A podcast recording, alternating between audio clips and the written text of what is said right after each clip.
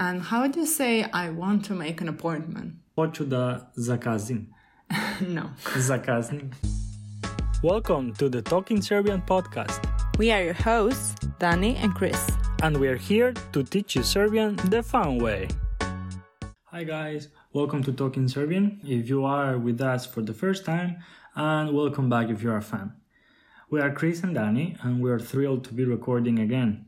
It's winter time here and we're still in the middle of the pandemic. So in this episode, we're going to talk about a visit to the doctor. This episode is going to be a little bit different, more like a play role of different situations you may find in a health center. Stay with us and find out the keywords and expressions necessary for your routine health checkups. Prijem. Sljedeći. Dobar dan. Dobar dan, izvolite. Došao sam da obavim sistematski pregled. Je li imate zakazano? Da, da. Imam zakazano za uh, pola devet. Aha, sam je 30, samo trenutak. Gomezić, je li tako? Jesti. U redu, sačekajte trenutak. Možete sesti od u čekonicu i neko će vas prozvati. Hvala. Laboratorija. Gomezić, siđite dole u laboratoriju.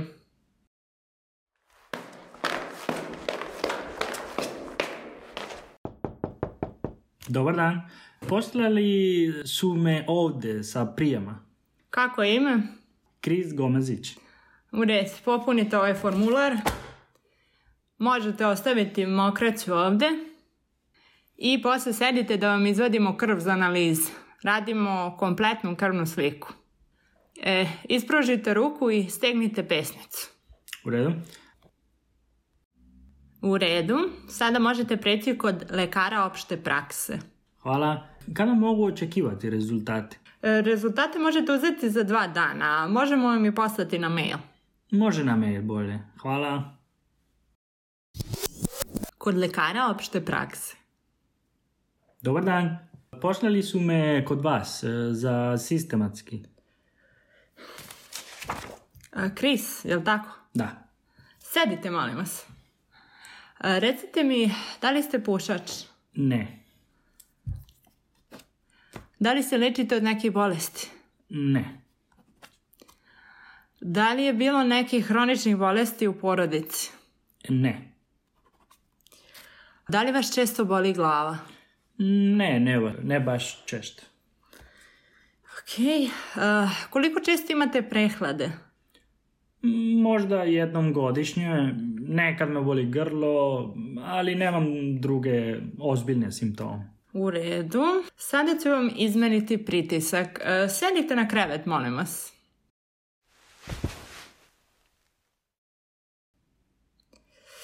Uf, pritisak vam je dosta nizak. Je li to normalno tako kod vas? Da, da, da, često je tako. Obično, ako ne popijem kafu.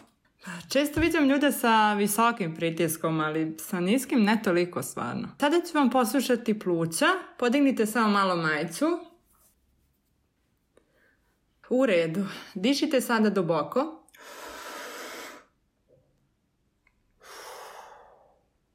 U redu. Dišite sada normalno. Dobro. Možete li sada da legnete na leđa? Stomaka. Okay guys, time to analyze our conversation a little bit. Let's listen to the first thing we wanted to explain to you. Jel imate zakazano? Zakazano is very useful. How would you explain it, Chris?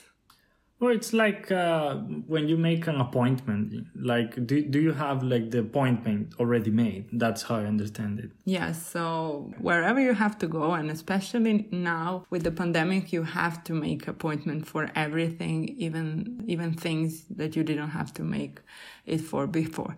Da li imate zakazano? Je li imate zakazano? And how would you say I want to make an appointment? Hoću da zakazim. no. Zakaznim. It would be hoću da zakažem. I. Hoću da zakažem, for example, I want to make an appointment for the doctors. Hoću da zakažem pregled za utorak ili u utorak u 8.30. Next thing, samo trenutak, Yeah, these are the things you hear a lot, like sačekajte trenutak, samo trenutak. Wait for a little bit or wait a moment. Also, in, in this kind of places, you are usually going to, to hear like možete sesti u čekaonicu. Čekaonica is a place where you čekaš.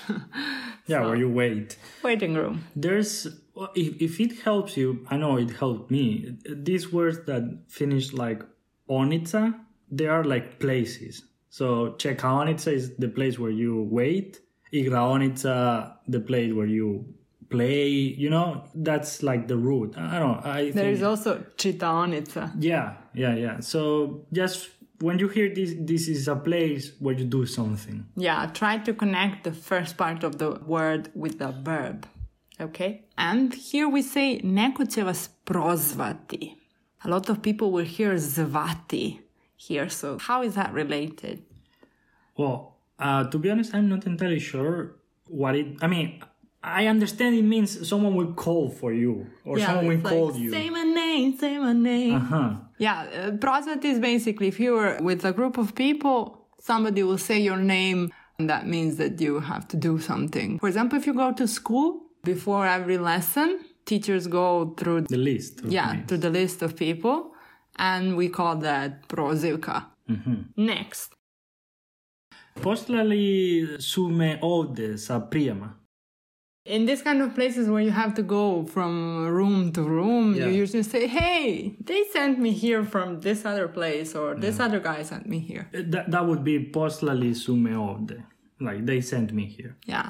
And prijem, it's related to the first part of our conversation. It's where you first enter basically when you go to some place. Like when you registered for something. Yeah. Like, uh, bec- I mean, it's not only for medical, this or any other medical scenario. Like when you do this prima or this process, it's like, you know, you sign up for something in hmm. general. You know? Yeah. Now we are going to see the specific vocabulary for laboratory in this kind of places. What is mokraća? There is also another word for it. Urin, urin, Urin. urin. Yeah, That, that's the uh, form. No, yeah, the formal way of saying pee. We were actually, well, urine. yeah. we were actually thinking about which one to put. But since you would recognize urine, uh, urin, definitely, I wanted to put this word mokraća because if somebody uses that when you go to the doctor, you probably get lost if you don't know what, what it is. Like urine is too simple for you guys. Okay, then this word, krv. Krv. Šta je krv? Blood.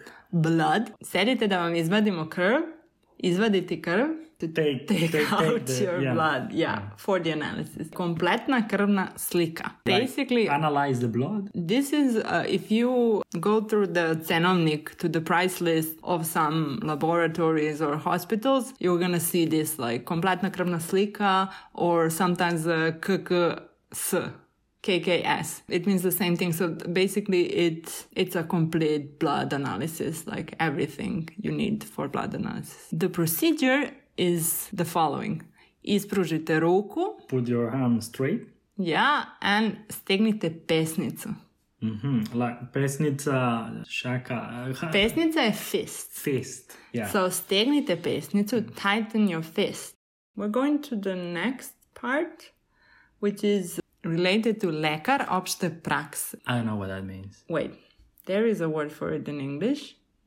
Like general physician. Usually doctor asks you different questions before doing any procedure. So the first word we have, da li ste pušač? Pušač? Smoker. Da li je bilo nekih hroničnih bolesti u porodici? Person who suffers from a chronic disease. Yeah, so like, did you have any of these like chronic disease disease in your family? Da li vas često boli glava? Uh, do you suffer from headaches? Boli glava it would be like headache. Da. Uh, if you have a headache, how would you say it? Boli me glava. And what would be prehlada? You grab a cold, that would be prehlada. Like, Da. We put this form imam prehladu. Like I have a cold, but usually we would say prehladio sam se or prehladila sam se. If you have a cold, uh, usual symptom is da te boli grlo. Boli me grlo? No, my throat hurts. Another routine procedure when you're at the doctor's is when doctor measures your blood pressure, which is izmeriti pritisak or meriti pritisak, and the pressure can be high Visok? or low. Nizak. Then the doctor said, Sada ću vam poslušati pluća. What are pluća? Lungs. Another thing that is not typical to be in plural in languages, but it is in Serbian, so be careful with this one, is leđa. The back. You would say leđa su, leđa are. Or if you want to say my back hurts, Ooh, I, I I always have problems with leđa. Uh, bole me leđa. bole me leđa. Yeah. Instead of boli me leđa because it's, it's plural. Da.